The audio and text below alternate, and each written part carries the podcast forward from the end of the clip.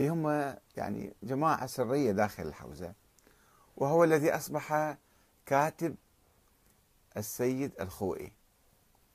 مدير مكتبة يعني يجيب له الأوراق بس ذاك يوقعها حتى من دون ما يشوفها أحيانا. الوكلاء والفتاوى والمسائل كثيرة من دون علم المرجع بس يبصم عليهن. وهذه قضية بحد ذاتها أيضا بحاجة إلى بحث في الحقيقة.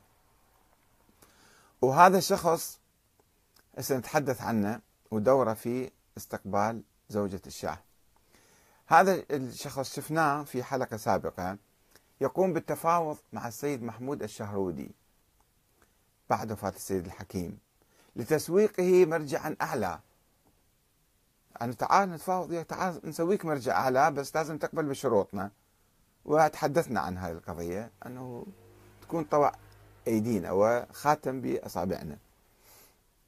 لكن الشهرودي لم يرضخ لشروطه فصرخ النخجواني فصرف النخجواني النظر عنه واتجه إلى مدرس الفقه والأصول السيد أبو القاسم الخوئي. كان مدرس ما كان مرجع وعرض عليه المرجعية.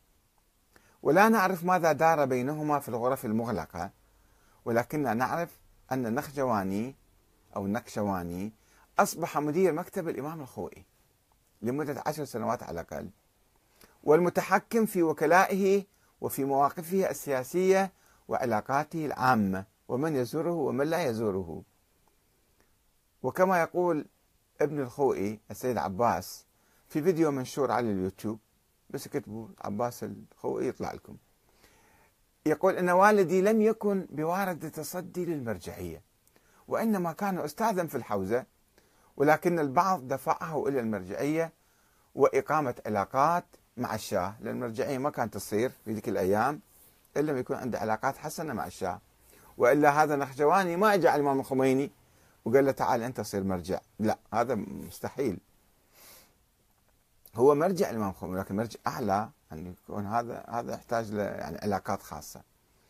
وطبعا تعرفون أكو أساتذة بالحوزة ما عنده معرفة سياسية وما عنده قدرة مالية وما عنده أجهزة إعلامية. يجي واحد يرشحه إلى مثلا رئاسة الوزراء أو رئاسة الجمهورية. هذه عملية أخرى غير العلم أستاذ بالجامعة؟ أستاذ بالجامعة. عالم ولكن أن يصبح رئيس للجمهورية أو رئيس للوزراء هذه مسألة أخرى.